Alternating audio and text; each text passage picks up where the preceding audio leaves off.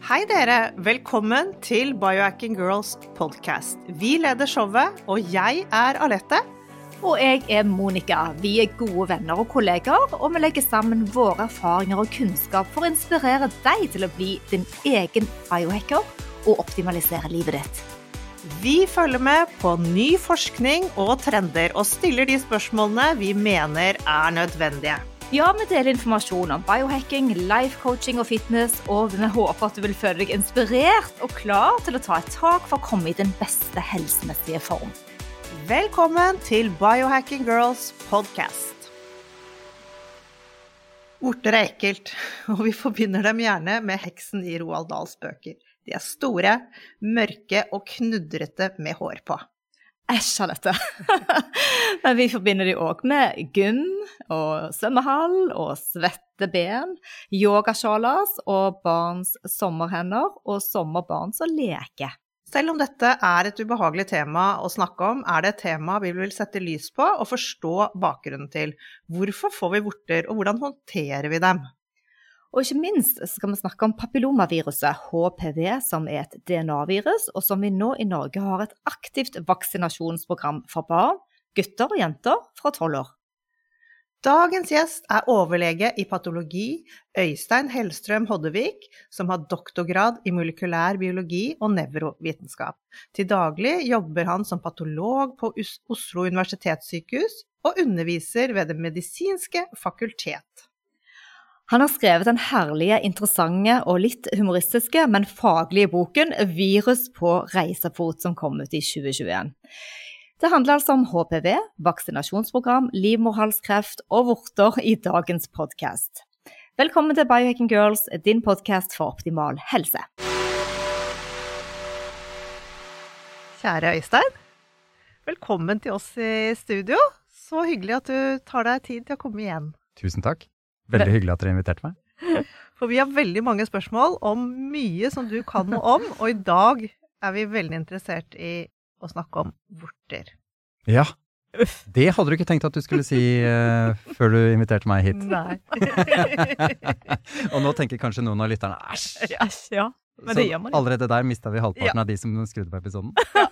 Jeg tror ikke det. Nei, fordi det er ikke bare altså vorter. Vi skal også snakke om livmorhalskreft. Ja, ja, ja. Let's face it. Ja, ja. Det, det er ikke bare tull. Dette er her Nei, er dette blir alvor. Ja, dette er en kjempeviktig episode for å forebygge kreft. Nemlig. Så ikke skru av helt ennå. Nei, det skal vi komme inn. Men vi tenkte vi skulle starte litt med hva vorter er for noe. Og hvordan de trenger seg inn via cellene, hudcellene. Og kan ikke du forklare oss, uh, siden du kan dette så godt?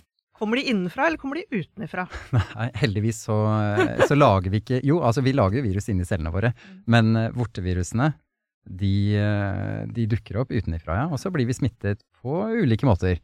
Typisk i et svømmebasseng. Så typiske er jo at barn får fotvorter, eller vorter på føttene sine, når de først kommer i kontakt med disse virusene. HPV er forkortelsen. Humant papillomavirus. Og papiller, det er, disse, det, det er beskrivelsen av hvordan vortene ser ut. Det ser liksom ut som et sånn utbrudd, utstikke. Så det er eh, Viruset klarer da å hekte seg på hudcellene våre, og så ender de opp med å lage krøller. Og det ser man da i praksis som en vorte. Så er det jo smittsomt. Veldig smittsomt.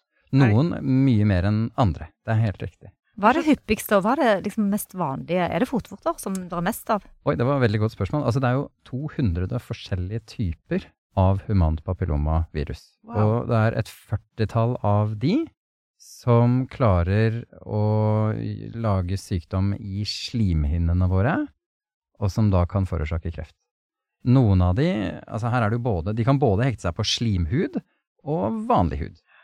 Og så er det jo da forskjellige typer. Så de virusene som gir oss fotvorter og håndvorter, det er ikke de samme som finner veien inn i livmorhalstappen hos kvinner og kan forårsake livmorhalskreft. For det var nemlig et spørsmål jeg hadde. At om, det er ikke sånn at det forandrer seg at hvis du har en fotvorte, og så kan den komme til kjønnsorganene som sånn kjønnsvorter? Nei, det er helt riktig. Ja, ja, veldig fort så havner vi i en sånn diskusjon hvordan, ja. det, hvordan skal det der, der skje, holdt jeg på å skulle si. Men nei, fotvorten er ikke det nei. som forårsaker livmorhalskreft. Det er okay, helt Perfekt. Ja.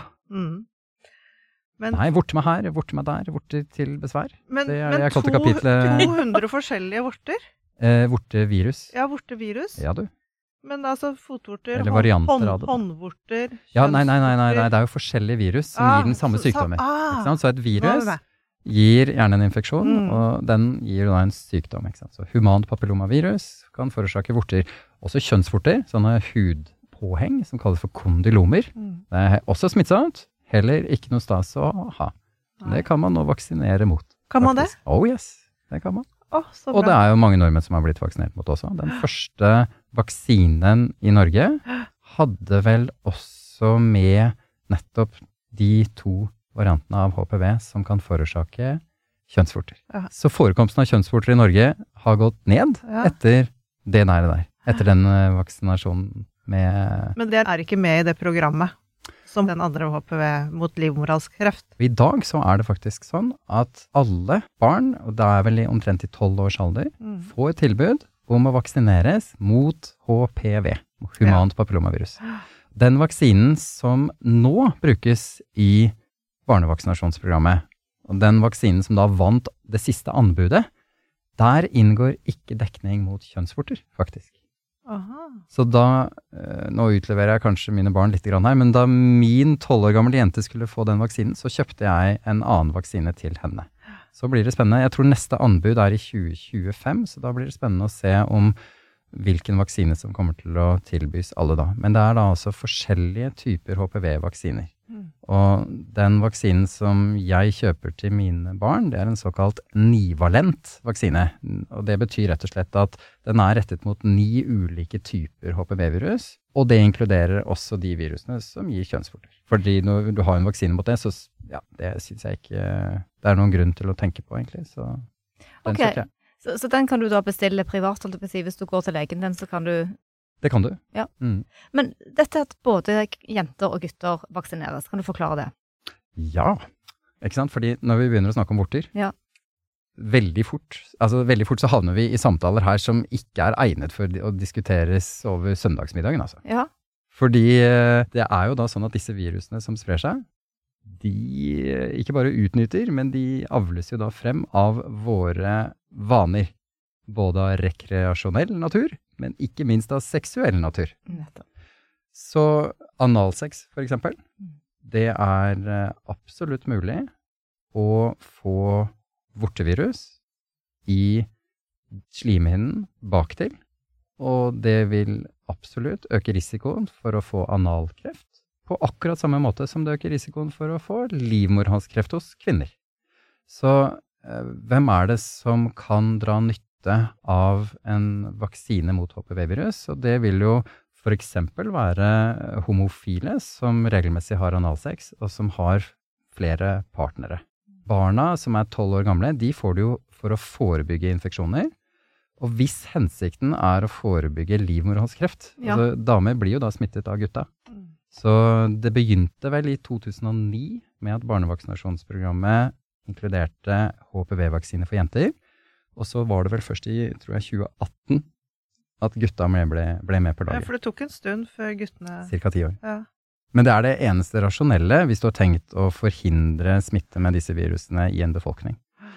Men risikoen for å få peniskreft hos gutter, altså den er eh, Hva skal vi si Det er jo ikke like hyppig forekommende som det livmorhalskreft er hos jenter, så det blir en litt annen problemstilling. Jeg tenker på det som en galant gest, men det, det har jo også helsefremmende effekter for gutter, for dem. Men de vil jo da heller ikke smitte jentene de har sex med, da. ikke det flott? Jo, det er helt, helt Men- nydelig. Men dette er kanskje òg en del av det du jobber med som overlege i patologi, eller når du sitter og tar imot prøver og så kommer inn. Kan du fortelle hvordan den prosessen er fra du får den prøven? For det er vi er interessert i hva som skjer med livmorhalskreftoppdagelsene, og òg om det blir en forbedring med vaksinasjonen. Nettopp fordi eh, den typiske lytter til deres podkast er en kvinne, kanskje i 40-årene, kanskje 50-årene, der omkring, som da er i utgangspunktet med i det som heter livmorhalskreftscreening-programmet. Så her leter vi jo da etter forstadier til kreft uten at kvinner har symptomer. Det er det vi kaller for en celleprøve. Og jeg er veldig glad for at dere inviterte meg her i dag. Og jeg har egentlig bare ett budskap å gi dere. Og det er at de som lytter på, hvis de ikke har tatt celleprøve, gjør det. Det er, etter mitt skjønn, det eneste riktige. Og grunnen til det er at disse forstadiene er veldig lette å plukke opp, og de kan behandles meget enkelt. Og da kan du forebygge kreftutvikling i livmorhalsen. Og det er en krefttype du ikke vil ha, altså, rett og slett. Hvis du følger livmorhals kreftscreeningprogrammet, så skal det veldig mye til at man da går glipp av disse forstadiene. Én av tre norske kvinner følger da altså ikke livmorhals kreftscreeningprogrammet, og årlig så er det ca. 300 tilfeller av livmorhalskreft i Norge. Så da er det bare å regne hvor mange av de vi kan forebygge bare ved at kvinner rett og slett bare deltar i programmet, går til legen og får tatt celleprøve. Men eh, det kan godt være at jeg er ute på tynn is, for det, menn får jo òg en type kreft som eh, er fra samme virus uh, i hals og svelg. Det er helt riktig. Ja. For som sagt, disse virusene det er et studie av våre seksualvaner også. Så uh, hvis man da har oralsex, så er det gitt at da vil du også få disse virusene i halsen. Og du får absolutt Du kan absolutt øke risikoen din for å få halskreft av disse virusene her. Så det vil jo da beskytte Der beskytter det i særdeleshet også gutta. Så der er det kanskje ikke bare en galant gest å ta vaksinen. Det vil også beskytte mot kreftutvikling der. Interessant nok, eh, altså vi snakker om biohacking. Jeg, det er jo et konsept som jeg ikke er eh, hva skal vi si, eh, fullt ut komfortabel med. For jeg har alltid tenkt på altså er det, er det grunn til å gjøre dette, er det helsefremmende eller er det ikke? Men jeg tror at vi kan enes om det, at generelt sett så er det å røyke det er en dårlig idé. Ja, det er vi enig i. Ja, Jeg tror, alle, jeg tror alle vet det nå. Det tror jeg alle vet, men nå er det folk som har begynt å glemme det igjen. Jeg ser stadig ja, flere på gata Ja. som røyker. Da jeg skulle hit til dere i dag, midt i Oslo sentrum, så sleit jeg litt med å finne inngangen, og derfor så vandret jeg ganske mye rundt i området her. Og så jeg observerte lokalbefolkningen, at jeg skulle si, det er fryktelig mange som står på gata her og røyker. Men det eh, øker risikoen for flere typer av kreft, altså. Blærekreft, det er faktisk det vanligste. Lungekreft, men også mange andre kreft, inklusive halskreft. Ja. Alkohol gjør det samme. Mm. Og det interessante er at hvis du får halskreft fordi du har røyket eller drukket alkohol, så er det nesten som en dødsdom å regne. Så prognosen da er veldig dårlig. Hvis du får halskreft fordi du har en infeksjon med humant papillomavirus, så er prognosen veldig mye bedre. Fascinerende nok. Hvordan- forstår det den som ja, kan. Ja, hvordan ser man forskjell? Nei, jeg vet ikke. Det der, der er jo Er hvordan du ser forskjellen. Nei, Det er jo om du påviser viruset eller ikke Ja, i kreftsvulsten. Men det var et kjempegodt spørsmål, for da kan vi også ta historien om hvordan vi har oppdaget dette. Ja. Fordi jeg tenker som så at min måte å Eller den beste måten, mener jeg, da, å fortelle eh, om vitenskap på, Mm. det er å sette det inn i et historisk perspektiv. Mm. Og dette er ikke, vi skal ikke lenger tilbake igjen på 1980-tallet, før en lege som het Harald eh, Zühausen, han var tysk, han så på disse celleprøvene i mikroskopet som vi får ved patologiavdelinger i Norge, og konstaterte at her er det virus i alle disse kreftsvulstene fra livmorhalsen. Så han gjorde koblingen, han skjønte at her, er- det, dette kan ikke bare være en tilfeldighet. Og han ble belønnet med nobelprisen for det i 2008. For det han etter hvert gjorde, var jo nettopp å isolere hvilke typer HPV-virus er det. Og nå vet vi at 70% av livmorhalskreftsvulster er forårsaket av to varianter, og det er HPV16 og HPV18. Og det er de vi vaksinerer mot i barnevaksinasjonsprogrammet i dag. For det neste logiske steget da, når man først har erkjent at ok, du får livmorhalskreft som et resultat av en infeksjon med disse bortevirusene, da er det bare å lage en vaksine, da. Og det var jo da det neste steget, og nå vaksinerer vi bort risikoen for å få livmorhalskreft. Så det er egentlig en kreftvaksine vi snakker om. Ja, det blir jo kalt det, men det du vaksinerer mot, er viruset som etter hvert, hvis det får en langvarig infeksjon, Leder til. leder til. Så det er jo Altså, jeg syns det er elegant, det. Ja. det. Det som er så fantastisk med medisin og vitenskapen, og kunnskap generelt, det er at når du først har besteget Mount Everest, så har du alltid gjort det. Når vi nå først vet og forstår sammenhengen mellom HPV-infeksjoner og livmorhalskreft, ja, men ikke sant? Nærmer er- oss, da. Ja, eller nærmere oss. Det er løst. På, på, ja, det, er, det er ikke helt sant, fordi det finnes tilfeller av livmorhalskreft som også ikke er forårsaket av HPV-infeksjoner. Men jeg tror at omtrent 99% er det, altså. 99% er forårsaket av HPV-infeksjoner.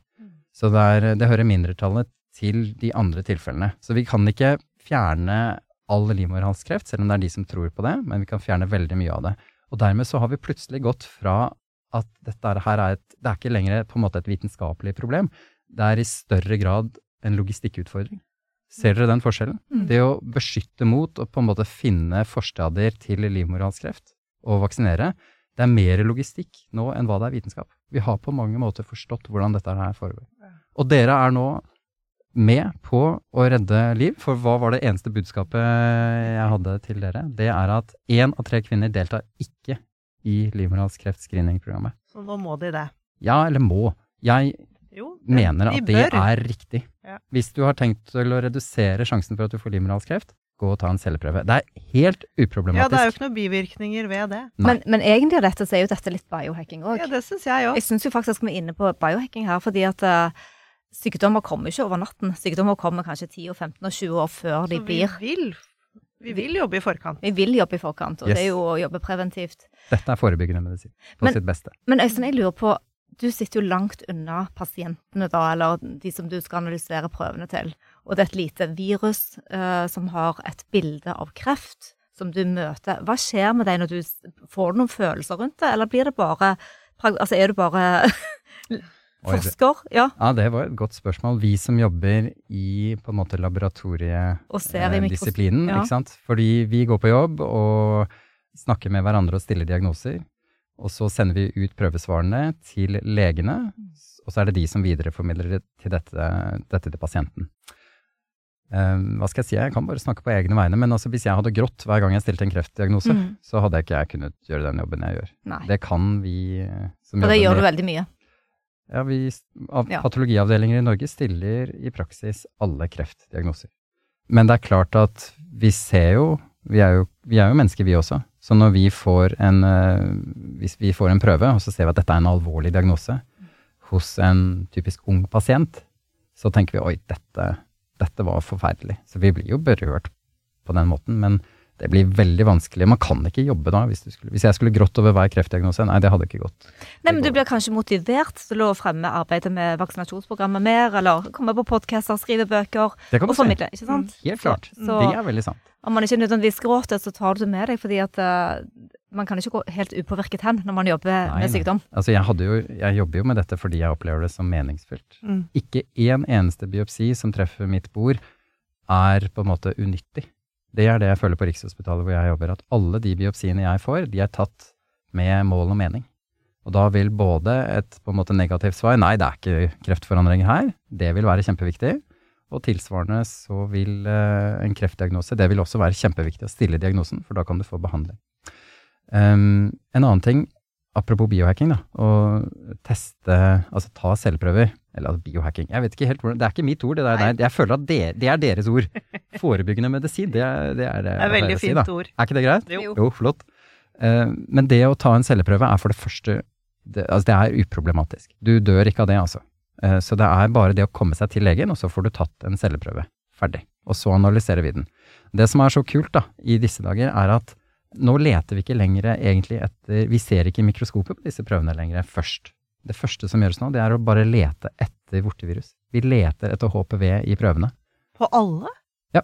Wow. Fordi det er 99 liksom nettopp. treff. Ja, så da vet vi det, at hvis det ikke er noe HPV der, ja, da er det Ja. en lavrisikoprøve. Så du er på forstadiet til Ja. forstadiet til Det er. Er det, er det ikke fantastisk? Jo. Fordi, altså Harald Surhausen, som som sagt fikk nobelprisen for dette i 2008, det er nettopp det. Når vi nå har forstått denne sykdomsutviklingen, så har vi tatt konsekvensen av det i hvordan prøvene testes. Og det som er veldig fint med å lete etter arvematerialet til virus, det er at det er en objektiv test. Mens det å se på en celleprøve i mikroskopet blir til syvende og sist subjektivt. Så det er mye bedre med objektive tester hvor du sier ja, her finner vi arvematerialet til vårt virus, eller ikke gjør det. Det er satt i systemet i Norge i dag. Vi bryter inn for å informere om høstens viktigste begivenhet. Her er noe du ikke vil gå glipp av. Biohacking Weekend det er Skandinavias eneste biohacking summit og skjer den 23. og 24. september på Sørmarka konferansehotell. Vi trenger å bygge opp egen motstandskraft. Vi må ta kontroll over egen helse, både den mentale og den fysiske og den spirituelle. Dette er biohacking, og tar full kontroll over miljøet vi lever i, både på utsiden og på innsiden. På Biohacking Weekend har du muligheten til å lære av de beste på sitt felt, for vi har samlet foredragsholdere fra både inn- og utland. Her får vi mange års banebrytende hemmeligheter og biohacks på én spennende helg. Ja, du vil lære om faste og vekt, HRV og stress, kuldebad, pust og hormesis, mitokondriene og alzheimer, hjertehelse, sollys og natur, skjønnhet, hud og glow, blue zones og antiinflamatorisk livsstil, hjernetåke, tracking av lipoproteiner og kolesterol, det siste innen anti-aging-forskning, omega-3, og selvsagt skal vi bruke den flotte naturen til trening, Sjelelig påfyll med kakaoseremoni, meditasjon, vi skal ha signering av bøker, og vi har rå utstillere og spennende tech labs. Biohacking tar over verden. La oss bruke den nyeste vitenskapen, ernæringen, forskningen og teknologien som er der ute til selveksperimentering. Sjekk priser på både dagpass, én dag eller full helg som inkluderer overnatting på www.kongresspartner.no skråstrek biohackingweekend. Men nå har det gått eh, ja, nesten 50 år, eller 45 år siden man kunne koble det HPV-viruset til livmorhalskreft. Har du sett, sett noen endring? Altså, har, hva har du sett av endringer, da, bortsett Ja. fra screeningen, da? Nettopp. Ja. Det at vi leter etter vortevirus, det er jo en endring som bare ble gjort nylig i Norge, for noen få år siden. Fram til da så har vi sett på det i mikroskopet. Hvordan har det vært nå, da? Oi, det var et godt spørsmål. Hvordan andre livmorhalskreftscreeninger fungerer. Nå vet jeg ikke Vet hva, det vet jeg faktisk ikke. Hvor mange andre land som har det.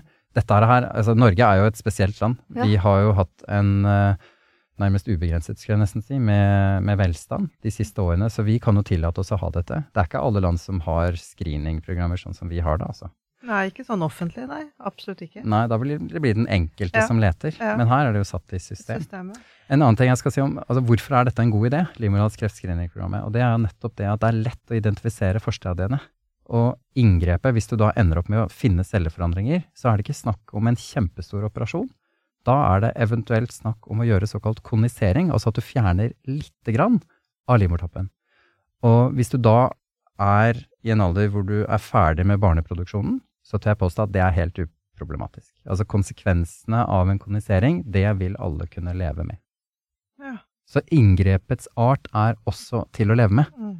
Og da Mm. kan man si at der vil på en måte eh, mammografiscreeningprogrammet, hvor du leter etter kreft i brystene hos kvinner, eh, være annerledes. Fordi konsekvensen der er en annen operasjon som for mange kvinner vil oppleves helt annerledes enn å fjerne livmortappen. Mm. Så screeningprogrammer er forskjellige. Og nå er det livmorhalskreftscreening vi snakker om i dag, da. Og der mener jeg at det er absolutt grunn til å sjekke det. Vet du hvor mange som fjerner den livmortappen årlig i Norge? Det finnes det statistikk på. Den har jeg ikke på Hvis du skulle gjette? Nei, det gjør jeg ikke. Nei, Det blir veldig feil. Det ville ikke du gjort, selvfølgelig.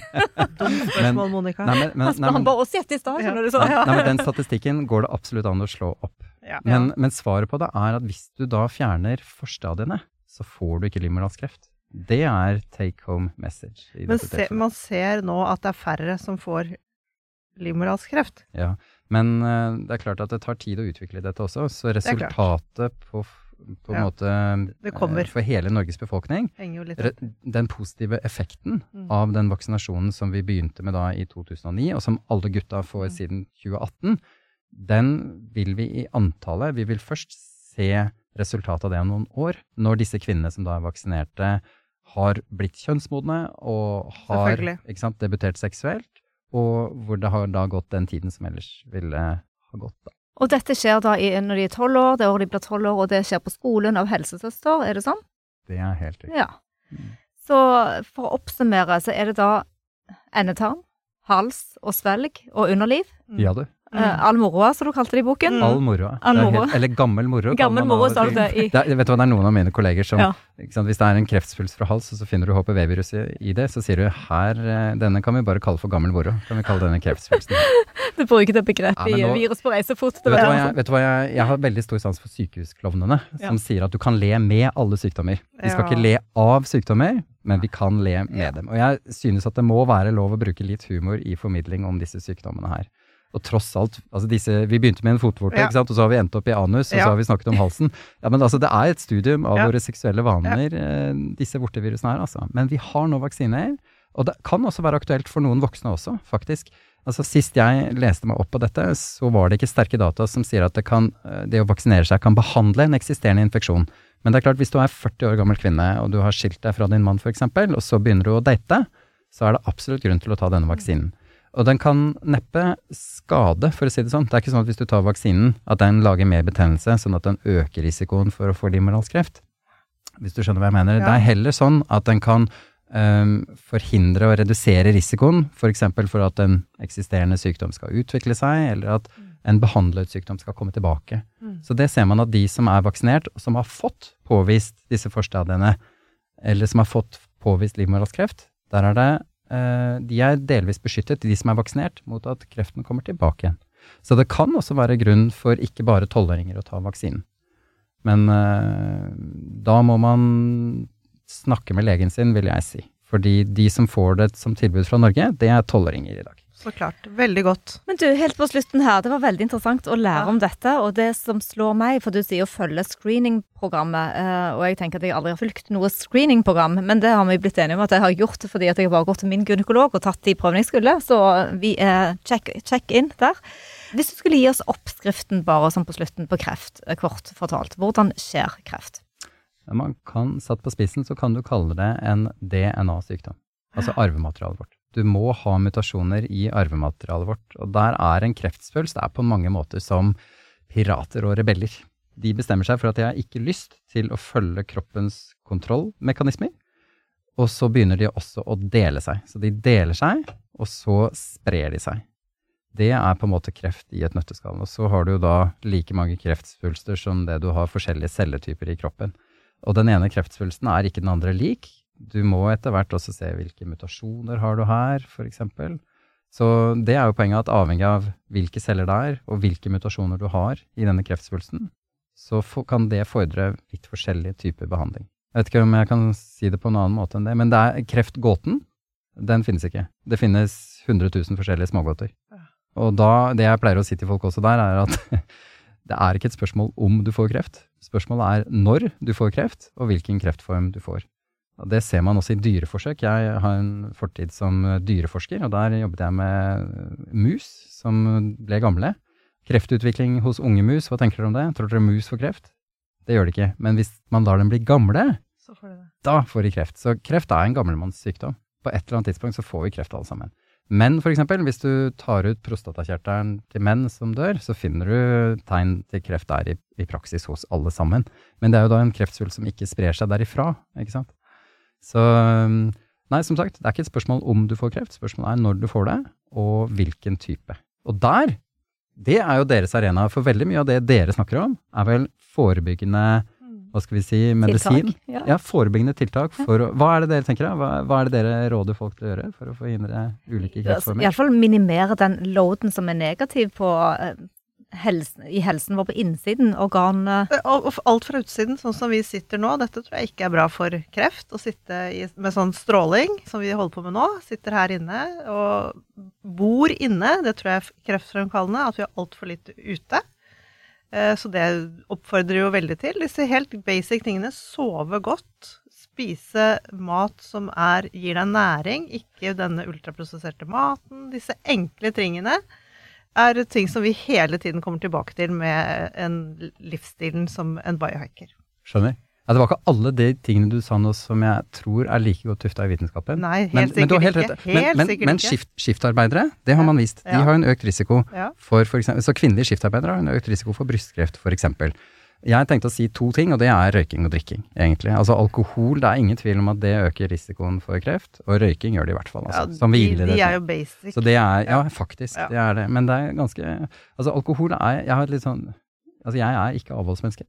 Jeg må ærlig innrømme det, men jeg vet inderlig vel at det er en eh, nervegift, og det øker risikoen for kreft også. Mm. Så alt med måte er det jeg pleier å si der. Men når det gjelder kreft, nei, når det gjelder røyking, så tør jeg påstå at Det er en dårlig idé. Du kan ta en, gjøre det sånn som Kjell Magne Bondevik, da, og ta en uh, sigar på nyttårsaften, hvis du må. Men ellers så tror jeg vi skal holde oss borte fra det. Men du, um, uh, sånn som i hjerte- og karsykdommer òg, så er det jo forskjellige årsaker til at man får et hjerteinfarkt.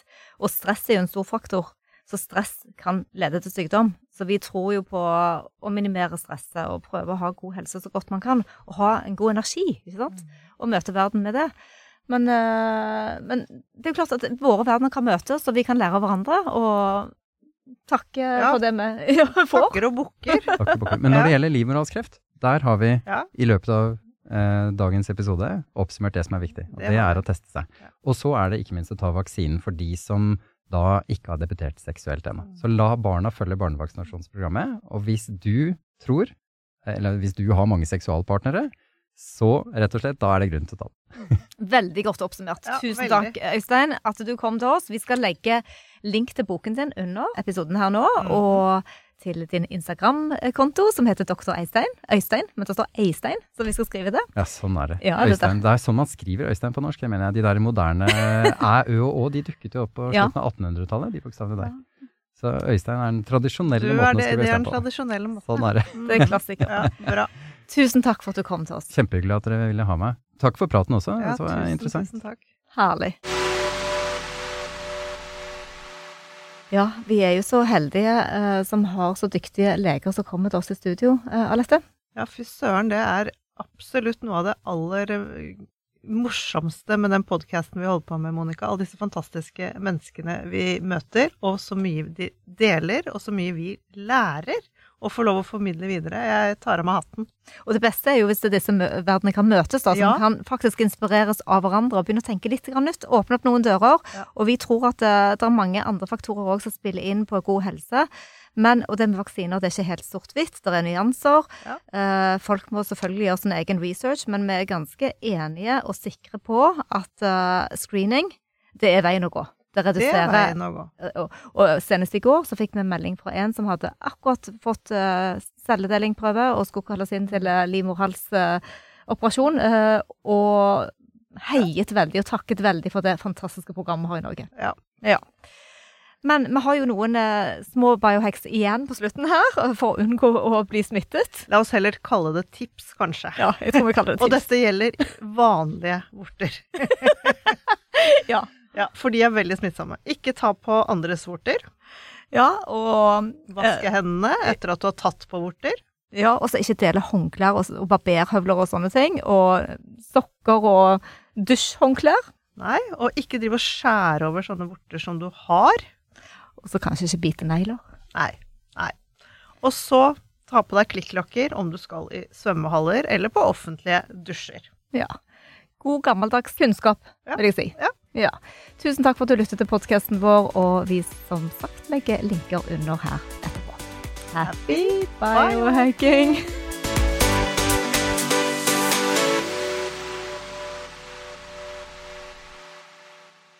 Vi minner om at dere må snakke med egen lege eller kostholdsveileder om dietter og andre spørsmål relatert til medisiner og supplementer. Informasjon vi deler, kan ikke bli brukt til å diagnostisere, behandle, forebygge eller kurere noen sykdommer eller tilstander.